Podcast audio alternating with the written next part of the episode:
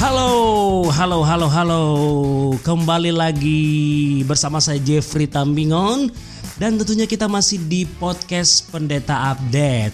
Kita akan ngobrol-ngobrol dengan teman-teman yang luar biasa dan tentunya masih di season 2 ini. So, stay tune terus di sini di podcast Pendeta Update. Woo!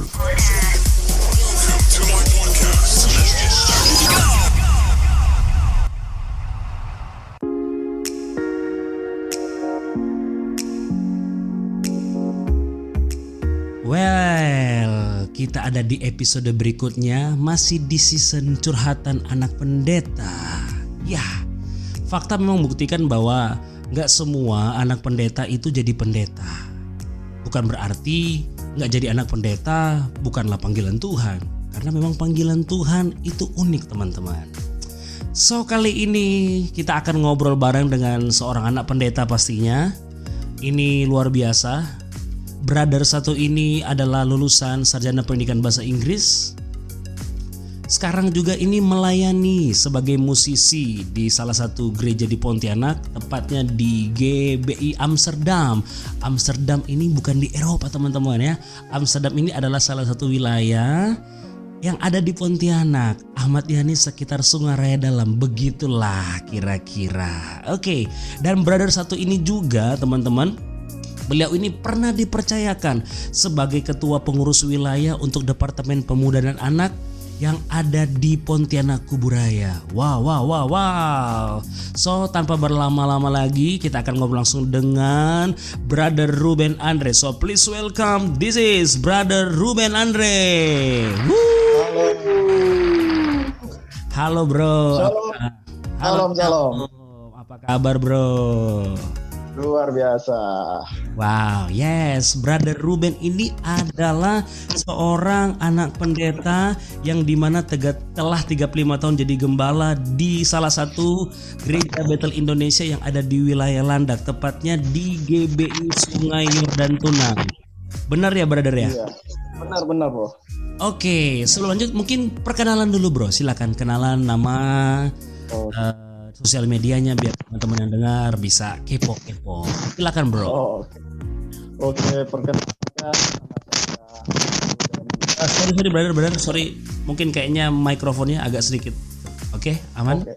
oke silakan lanjut bro Oke, perkenalkan nama saya Ruben Andre. Seperti Bro Jeff bilang tadi, saya adalah anak pendeta. Ya. iya oke Oke, saya pekerjaan sebagai guru dan kebetulan saya juga adalah guru bahasa Inggris dan Mhm. saya tidak tahu seperti panggilan-panggilan lainnya juga kok kenapa ya saya jadi guru bahasa Inggris aha harusnya saya ini pelayanan gitu kan oke jadi anak pendeta Mhm. Mhm. sudah ya menikah puji Tuhan saya Mhm. ya punya satu anak yes. Puji Tuhan oke. Oke sosial medianya sosial medianya nih. Oh ya sosial media. Saya lebih aktif di ini Facebook aja sih. Facebook oke boleh dong bagi-bagi namanya siapa nih? Ru- Ruben Ru- Ruben Tagasta. Ruben Tagasta. Oke, buat teman-teman pendengar yang pengen kenal lebih lanjut, bapak satu anak ini, ya kan? Seorang musisi juga, seorang guru bahasa Inggris juga, boleh kepo deh di Facebooknya Ruben Tagasta. Oke. Nah, nah, nah, nah, nah. Lagi sibuk apa aja nih, brother? Oh, untuk sekarang sih lagi musim ini anak-anak mau ulangan, Oh, ulangan akhir semester. iya, Iya. betul ya. Karena Jadi, masih online ya, sekolah masih online juga, brother ya. ya benar sekali masih online ini. Hmm, oke, oke, oke, oke. Nah, kita akan ngobrol-ngobrol deh. Sesuai topik kita di episode kali ini kan adalah pekerjaan versus pelayanan. Tapi sebelum kita ke sana, Iya. pengen tahu dulu deh, kira-kira bagaimana seorang Ruben yang memiliki sebuah apa predikat ya, predikat sebagai seorang anak pendeta. Kira-kira gimana masa sekolah sampai masa kuliah memiliki predikat sebagai anak pendeta? Gimana perasaanmu, bro? Oke, saya cerita ya, Bro. Siap. Oke.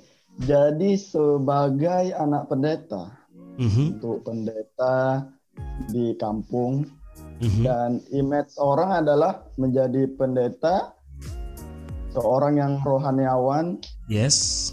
justru eh, jadi kita sebagai anaknya pasti dituntut untuk menjadi orang yang baik gitu. Hmm. Sorry brother, sorry aku salah sebentar. Boleh kenalkan nama uh, orang tuanya biar teman-teman juga tahu. Oh, gembala Oh, ini, oh. GBI ini gitu. Silakan bro. Bapak saya pendeta Gerson. Minta Gerson. Oke.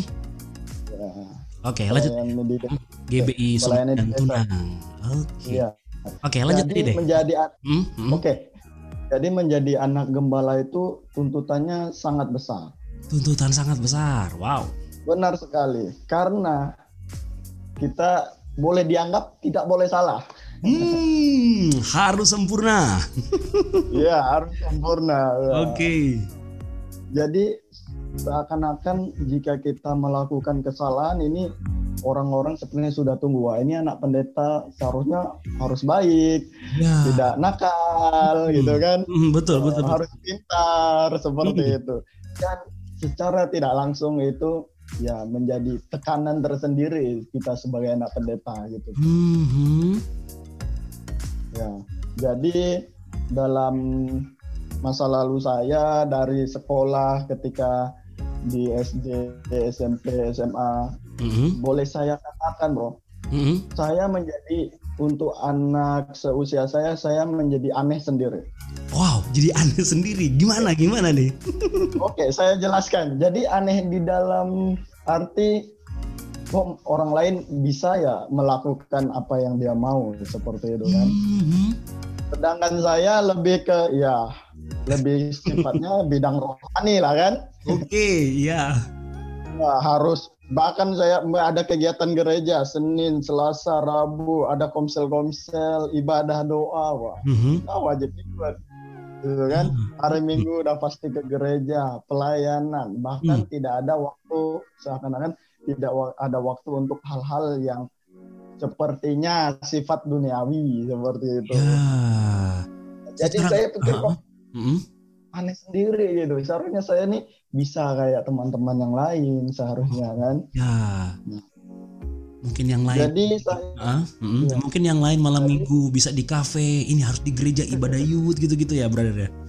benar benar benar. Oke, terus terus terus. I- itu pasti anak-anak pendeta semua ngalami hal seperti itu. Oke. Mm, Ya. Dan berangsur-angsur ketika saya tamat sekolah kan berarti udah kuliah. Jadi tinggal ngurus pribadi sendiri kan, Bro. mhm, betul. Jadi saya sempat kesempatan saya nih untuk bebas. Wow. Karena Ya, kuliah kan? harus maksudnya gini, harus kuliah keluar dari daerah, keluar dari rumah, keluar dari gereja, rasanya free gitu, brother ya. Masa Ya, itu, benar. masa itu, ya. Iya, nggak ada yang pantau kan? Iya, Iya. nggak ada yang nyuruh lagi. Nah, Mhm, tapi setelah saya sadari, bro, mhm. ternyata saya orang yang sangat beruntung. Hmm, oke. Gimana nih titik baliknya? Dari merasa tertekan, terbeban, merasa aneh sendiri karena disebut anak pendeta, kok sekarang merasa beruntung? Bagaimana titik baliknya, brother? Iya. nah, Jadi kalau saya pikir kalau saya bukan menjadi anak pendeta, kalau saya bukan dididik yang Mhm. tinggi, saya nggak tahu nih saya nih wujudnya seperti apa gitu kan. Wujudnya seperti apa? Iya, pasti uh, kayak sifat-sifat karakter pasti hal-hal yang buruk gitu kan. Oke, I see. Jadi saya bersyukur ibarat kata nih orang tua sudah memberikan fondasi dasar yang sangat kuat untuk saya gitu. Mhm. Di situlah saya baru sadar oh ternyata me- ini kenapa orang tua saya menuntut saya seperti ini. Oh ini ternyata hasil dari mengapa saya harus rajin ibadah, harus pelayanan. Hmm. Ternyata ketika saya siap untuk sendiri, fondasi itu udah kuat. Apa pun Wow. uh, godaan-godaan, tekanan-tekanan yang lain, di situlah saya merasa oh saya udah udah punya dasar yang kuat nih gitu kan. Nah, Di Mhm. situ saya sangat bersyukur bro. Oke. Tapi anyway kira-kira sejak kecil nih pernah nggak sih Brother Ruben dituntut kamu pokoknya gede harus lanjutin pelayanan papa. Kamu harus Oh. ada di sini jadi gembala. Gimana brother? Iya ya. Ah, kalau dari orang tua pribadi Mm-mm. nggak ada sih, tidak Oke. tidak pernah di. ah. tapi lebih kebanyakan orang lain. Oh, apa jemaat, pengurus jemaat atau teman-teman pendeta yang lain? Iya, teman-teman pendeta yang lain. Oh Kamu gitu. ini anak pendeta, kamu pasti akan menjadi seperti bahkan seperti akan dinubuatkan gitu. Bro. Wow. Kamu harus meneruskan apa yang orang tua bangun. Mhm. Sebenarnya sih saya juga nggak menolak sih bro. Oke. Secara pribadi saya kan udah tahu yang namanya panggilan kan. Kita sebagai anak gembala, kalau kita udah dijadikan panggilannya jadi pendeta, ya jadi pendeta enggak? lah kita kan. Yes. Kenapa tidak? Mhm. Yang yang jadi permasalahannya adalah untuk men- untuk sekarang untuk menjurus-jurus hal seperti itu kok kayaknya. Gimana? Bukan kadang teman bilang kok kamu nggak pelayanan? Sepertinya kayak kita nih udah mementingkan dunia gitu ya bro ya. Kok kamu kerja seharusnya kamu pelayanan. Pelayanan dalam arti ini, pelayanan dalam arti ini full time di gereja gitu ya brother. ya? Ya, full time di Oke. gereja. Kalau Mhm. kamu kerja berarti ibaratnya pelayan ini hanya sisa waktumu bukan Hmm. seutuhnya melayani gitu kan Nah, nah, nah. Hmm, gimana? Jadi gimana nih? Jadi saya bilang gini, saya paling mau sebenarnya jadi pendeta kan, Oke. punya panggilan seperti teman-teman yang lain. Wah, saya juga salut lah untuk teman-teman yang bisa punya panggilan seperti itu kan. Betul. Cuman masalahnya saya ini nggak tahu kenapa dari tamat S sekolah kan Mhm. kuliah. Kuliah mau pernah jadi ini jadi jadi itu eh ujungnya sekolah guru. Oke. ujung-ujungnya ada tawaran untuk ngajar. Tawaran kemudian sampai sekarang ngajar di tempat saya bekerja. Gitu kan? Mhm. dan saya sebenarnya juga tidak menghindari untuk menjadi pendeta cuman jalannya aja yang kenapa harus jadi guru saya juga nggak tahu gitu kan Ya, ya. Mhm. ya Tapi, tapi jadi brother, ketika kamu melihat misalnya kamu kan lama nih dengan papa melihat papa melayani di mimbar dan sebagainya ada kepengenan nggak sih memang dari dulu nih ketika kamu lihat papa berkhotbah kayaknya aku Iya. cocok deh ada di situ gitu pernah kepikiran atau gimana sih brother kalau waktu sekolah minggu karena lingkungan kita yang itu kamu cita-citanya apa? Ya pastilah kan. Pendeta. Pendeta.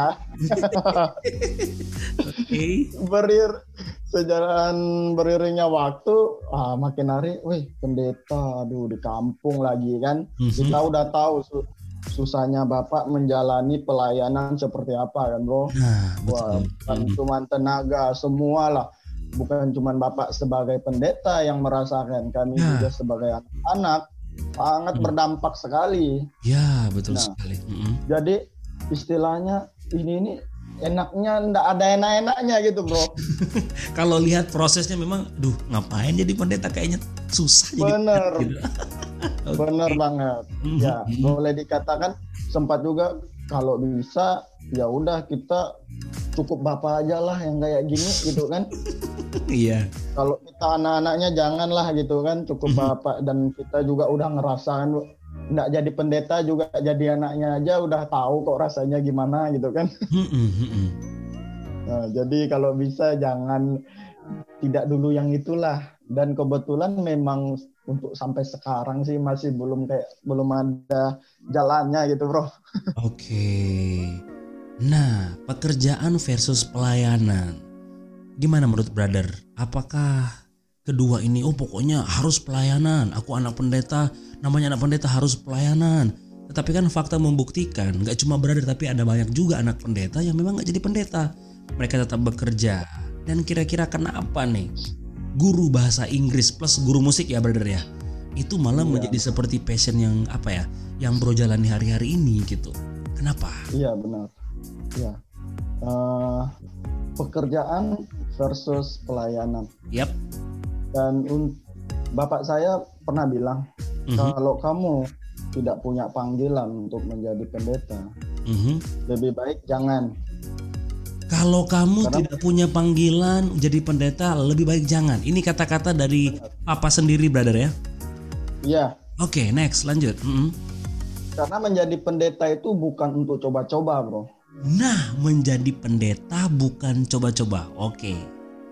Iya, itu yang saya ingat. Kalau kamu udah eh, apa eh, mempersiapkan diri, oke, saya siap jadi pendeta untuk jadi gembala dan Mhm. mengambil keputusan itu nggak bisa lagi ditarik. Hal-hal seperti itu. Mhm. Berarti kita udah bertanggung jawab akan apa yang akan kita eh, semua keputusan kita. Jadi kalau memang belum siap, kita belum ada panggilan, lebih baik jangan. Ya, betul sekali. Seperti itu. Mhm. lebih baik kamu lakukan di bidangmu apa yang bisa kamu lakukan Mhm. dan tetapi kamu tetap pelayanan di gereja intinya Nah, kamu mhm. harus bisa apa yang bisa kamu lakukan di gereja kamu tetap berikan di gereja seperti Ya. itu sih pesan orang tua Iya, karena memang namanya pelayanan kan nggak serta merta harus ya jadi seperti apa, nggak harus seperti intinya nggak harus jadi harus jadi pendeta. Pelayanan itu kan sifatnya apa ya? Umum ya banyak gitu. Kita bisa lakukan apa pun Iya. dalam bentuk pelayanan apa pun di gereja dan itu juga adalah pelayanan. Ya kan, brother ya? benar benar benar Oke oke, tapi ketika mengambil keputusan seperti ini, aku keluar dari gereja yang ya kita udah tahu bersama for your information nih teman-teman pendengar eh, GBI Sungai Ratunang ini ini gereja yang cukup besar teman-teman untuk di daerah. Nah, Iya. bagaimana reaksi jemaat ketika brother memilih aku ak- aku keluar dari apa namanya dari dari gereja, maksudnya aku harus ke Pontianak, gak stay di daerah, malah aku memilih menjadi guru. Nah, sekarang reaksi orang tua atau dan jemaat waktu itu kira-kira gimana, brother? Eh, kalau untuk reaksi orang tua dan jemaat sih tidak ada yang seperti gimana sih biasa saja Oh, Karena oke. kan mengerti memang, lah ya, ya, mereka mengerti ya, Ya, karena- keputusanmu. Ya, kebanyakan memang yang dari kampung pastinya pergi kan keluar untuk sekolah, untuk bekerja, memang sudah menjadi hal yang biasa lah. Oke. Dan untuk pelayanan sebenarnya orang-orang juga tahu gitu kan, karena Hmm. kita masing-masing kan punya jalan gitu kan, jalan Ah. dalam arti kata punya tujuan masing-masing. Jadi Yes. tidak ada menuntut oh kamu berarti harus menggantikan papamu di gereja ini seperti itu tidak ada. Karena seperti saya bilang tadi bro, Mm-mm. kita masing-masing punya panggilan gitu kan. betul sekali. Ya. Ya. Dan lo- eh, saya pernah bilang dengan teman-teman yang kalau semua jadi pendeta, dituntut jadi pendeta yang jadi jemaat siapa gitu. Mm-mm. Kalau semuanya di depan siapa yang duduk? Ya. jadi masing-masing ada bagiannya gitu. wow, luar biasa. Nah, nah. Tapi bro, Mhm. jadi untuk pekerjaan dan pelayanan ini sebenarnya bukan sebuah pilihan.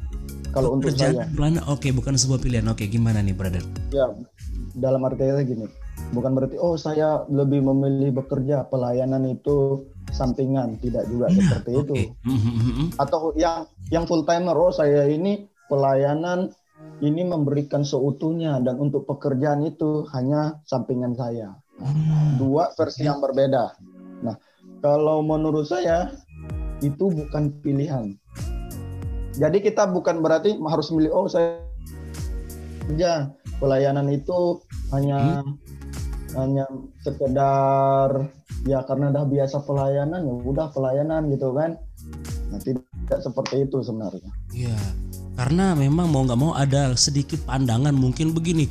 Kalau orang yang full time di gereja itu berarti dia sepenuh hati. Tapi kalau orang yang Ya, kalau nggak sepenuh waktu di gereja itu nggak sepenuh hati, ya nggak brother? benar Gimana? benar benar bro jadi di eh, susahnya tuh oh kamu kan bukan full di gereja oh kamu berarti ndak eh, hatinya itu tidak tidak rohani utuh gitu kan Wah. Nah, betul. Karena kan kalau kita belajar, kalau misalnya semua paksakan, oh kalau namanya full heart itu harus di gereja, lah Yesus gimana, brother? Ya enggak? Yesus enggak Iya, benar. enggak setiap hari, bahkan semua hidupnya ada di bait di bait Allah. Dia tetap berkeliling, dia tetap bekerja dan sebagainya. Paulus juga sama, ya enggak, brother? benar-benar Nah, jadi uh, kalau saya sih lebih gini bro mhm, masing-masing punya panggilannya itu aja sih betul, betul. Dan panggilan nggak bisa iya. dipaksain, betul. benar karena kalau saya nih paksain apalagi mau jadi pendeta untuk coba-coba karena saya tahu itu maksudnya menjadi gembala dan jadi pendeta itu seperti saya katakan tadi tidak untuk coba-coba Yes. oh saya saya udah susah nih kerja nih cobalah gembala aja lah gitu kan nggak bisa Hmm, seperti hmm, itu hmm, itu harus memang betul-betul harus kita tanam dalam hati kalau itu tuh udah ambil keputusan udah apa pun yang terjadi sampai mati hmm. itu Mhm. konsekuensinya sampai mati mati bro Seumur hidup sampai ya. mati Seumur hidup, yes. seumur hidup Iya, iya. betul. nggak bisa kita nggak bisa kita tuh oh 10 tahun habis itu off jadi gembala jadi pendeta nggak ada. pensiun, gitu ya? Pensiun jadi nggak ada nggak ada isti- istilah pensiun lah kalau untuk saya. Karena papa saya juga ajarkan nggak ada pendeta seperti itu. Udah Hmm. panggilan ya udah. Hmm, sampai sampai udah nggak bisa pelayanan lagi udah tutup usia baru di situlah kamu selesai. yes. selesai. Wow luar biasa nah kalau brother lihat dari papa sebagai seorang gembala sidang sosok papa seperti apa sih di mata brother sebagai seorang gembala dan sebagai seorang papa? Itu gimana brother? Sebagai gembala dan sebagai seorang bapak yang saya sangat rasakan yang pertama adalah tegas. Tegas oke. Ya tegas. Sifat-sifat pasti anak pendeta tahu sifat-sifat rohani tidak ada toleransi gitu bro nah ketegasannya tidak ada toleransi ya. Ya saya pernah hitung hari minggu tuh tidak pernah yang namanya tidak ibadah dari kecil sampai besar tuh tidak pernah absen. Pernah absen. Nggak ada kata off atau libur ya? Nggak ada nggak ada wow, libur. Wow luar biasa nih. wajib. Sampai saya besar tuh saya pikir-pikir kapan ya saya pernah tidak ibadah ya? Gitu kan. Kayaknya ibadah terus gitu kan. Nah, karena tegas kamu nggak ada urusan gitu loh. kamu hari ini hari minggu ibadah gitu kan. Wah, ya gitu. jadi sifat-sifat rohani kita ya seperti kebanyakan pendeta lah. Mm-mm. jadi anak pun harus ikut lah kan. Mm-mm. Nah, dan sebagai orang tua juga menanamkan kan prinsip-prinsip seperti itu. Jadi eh, sebagai pendeta tegas pastinya juga sebagai orang tua juga mempunyai ketegasan. Mm-mm. Itu yang saya ingat. Hmm, Oke. Nah, kalau mengingat tadi apa yang Brother bilang ini kan sampai sekarang masih rasa ya. eh, misalnya gini, sepanjang kepengen jadi pendeta mau. Cuma kalau dalam saat sekarang ini kan lebih enjoy dan menikmati bekerja sambil melayani, gitu kan ya Brother ya. Benar. Nah tapi kira-kira ada kepikiran gak sih untuk balik lagi dan menjadi pendeta gitu? Maksudnya untuk balik ke daerah lagi gitu atau seperti apa? Atau memang ya saat ini jalani seperti ini apa yang Tuhan mau Ya. ya saya jalani aja. Kira-kira gimana brother? Saya sih lebih ingat perkataan ibu saya. Oke. Ya, Ibu saya bilang gini, apa yang di depan kamu Mhm. itu berarti jalanmu. Nah oke Ya, intinya kita berusaha. Itu. oke Contohnya sekarang. Kan untuk menjadi pendeta di kampung memang belum ada jalannya gitu kan. ya betul. Ah, karena saya punya tanggung jawab di sini, pekerjaan, keluarga. Iya betul betul. Jadi untuk menjadi pendeta balik kampung ibaratnya untuk sekarang Mhm. belum ada. belum ada dalam arti kata bukan berarti tidak. Saya juga tidak tahu kan seperti Ya, ibu saya. jalan-jalan Tuhan Apa ya. Mm-mm. Ya benar. Kalau umpamanya Tuhan rencanakan di sana ada tiba-tiba ada ya jalan untuk saya harus ke sana gitu kan Mm-mm. dengan berbagai cara ya udah saya yakin berarti itulah jalannya gitu kan. Ya. karena seperti sekarang juga saya tidak pernah ada cita-cita oh kamu mau jadi apa? Jadi guru. Mm-mm. bahkan terpikirkan untuk menjadi guru aja nggak pernah bro. Oke. tapi kenapa sekarang saya jadi guru? Karena di situlah jalan yang ada gitu kan Ya. Seperti seperti bro umpamanya adanya jalan untuk pelayanan gitu kan Yes. nggak Ya. jadi guru umpamanya ya udah Iya. berarti pelayanan gitu kan Iya. Makanya nama podcast ini pendeta update bukan guru update ya. iya benar-benar ya Oke, oke, oke, oke. Intinya pekerjaan dan pelayanan itu tetap sama-sama penting. Bukan berarti lebih menekankan pekerjaan berarti kita nggak rohani, ya kan? Kalau kita lebih Ya, benar. menekankan kita dalam arti sebagai full timer bukan berarti kita juga uh, lebih rohani ketimbang orang yang nggak melayani full timer dalam gereja.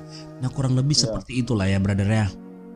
iya Hmm, oke, oke, oke, oke, oke. Nah, brother, dan saya bilang oke, oke. Hmm, hmm, mana? saya bilang tadi itu bukan pilihan bro Yes. Ya itu intinya pekerjaan dan pelayanan bukan pilihan. Ya, kalau kita kalau kita milih berarti kan kita pasti akan condong ke mana gitu salah kan. satu. Ya, betul. Nah, karena ini bukan pilihan kalau saya Ya, namanya. Contoh saya sekarang gitu kan. Ya, saya tidak memilih oh, saya harus pelayanan saya juga tidak memilih saya bekerja. Tapi adalah eh, di mana Tuhan mempercayakan kita. Ladang ladang kita kan berbeda-beda kan bro. Betul, betul. ada yang menjadi pendeta memberkati dengan firman Tuhan menyampaikan firman. Tuhan jemaat kalau saya mungkin ladangnya dengan anak-anak dengan partner kerja kan gimana saya bisa Ya. menjadi berkat Nah, mungkin ladang saya di situ kan orang bisa Ya, diberkati melewati saya. Karena sekali lagi namanya kita apa namanya bekerja, kita juga bisa melayani. Karena sekali lagi melayani itu nggak harus bicara di mimbar, ya kan? Melayani bisa banyak cara di mana kita memberikan kontribusi, ide, tenaga, waktu bahkan keuangan kita melalui gereja lokal itu juga udah bentuk pelayanan. Benar nggak sih, brother? benar benar Hmm, Benar, jadi benar. jangan kita kotak-kotakan yang rohani ini melayani bekerja itu nggak rohani rohana gitu nggak nggak juga. Sama pentingnya di mata Tuhan. Yes. Ya, benar benar. Nah brother kalau gitu kasih kasih itu dong. Apa ya kasih sedikit eh apa sih namanya pesan lah buat teman-teman yang dengar. Mungkin yang dengar ini adalah anak-anak pendeta yang di mana mungkin mereka punya problem yang sama dengan brother ketika eh, apanya memiliki predikat sebagai seorang pen- anak pendeta merasa terkungkung nih. Merasa nggak sebebas dengan anak-anak yang lain. Kira-kira brother kasih dong sedikit tips deh. Silakan bro. Oke Eh, kalau untuk tipsnya kita sebagai anak pendeta memang tuntutan pasti tinggi tuntutan kita besar. Ya bahkan kita dituntut untuk sempurna menjadi orang baik bahkan harus seperti malaikat bahkan orang sepertinya orang-orang menunggu kita untuk salah salah sedikit aja sudah wah langsung diterkam gitu kan. Iya iya betul betul. Eh, dan untuk masalah pekerjaan kenapa kita tidak pelayanan? Seperti saya bilang kita masing-masing punya panggilan. Yes. Kita bukan papa kita seperti episode eh, yang yes ya Sebelumnya episode tuh ya. episode sebelumnya ya mantap. Ya, Hmm.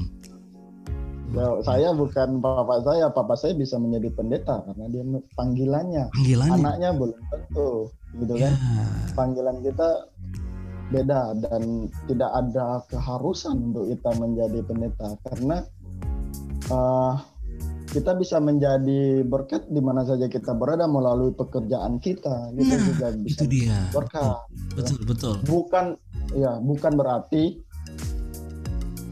Enak, Mhm. tuh. Mm-mm. bukan berarti oh kita bekerja di situ ladang kita berarti kita n- nggak nggak pelayanan di gereja bukan seperti itu tapi Betul. kita tetap melayani di gereja apa yang bisa kita berikan di gereja kita lakukan wajib Hmm. itu jangan pernah tinggalkan itu. Yes. Bahkan orang tua saya bilang di mana pun kamu berada nggak perlu cari yang lain. Nomor satu gereja itu aja. Hmm. Nah, brother kan Ya, sekarang ini di situ, Mhm. gimana brother? Eh, lanjut, lanjut silakan. Ya. Brother sekarang ini kan di situlah Ah, oh iya oke lanjut. ah, em. Oke, oke. Eh, karena di situlah tempat kita memang dasar untuk hidup kita. Yes. Oke, kan brother sekarang ini lagi punya baby, ya kan? Dan tadi brother bilang bagaimana papa menerapkan banyak prinsip dalam kehidupan brother dan akhirnya terasa ketika ya jadi orang tua.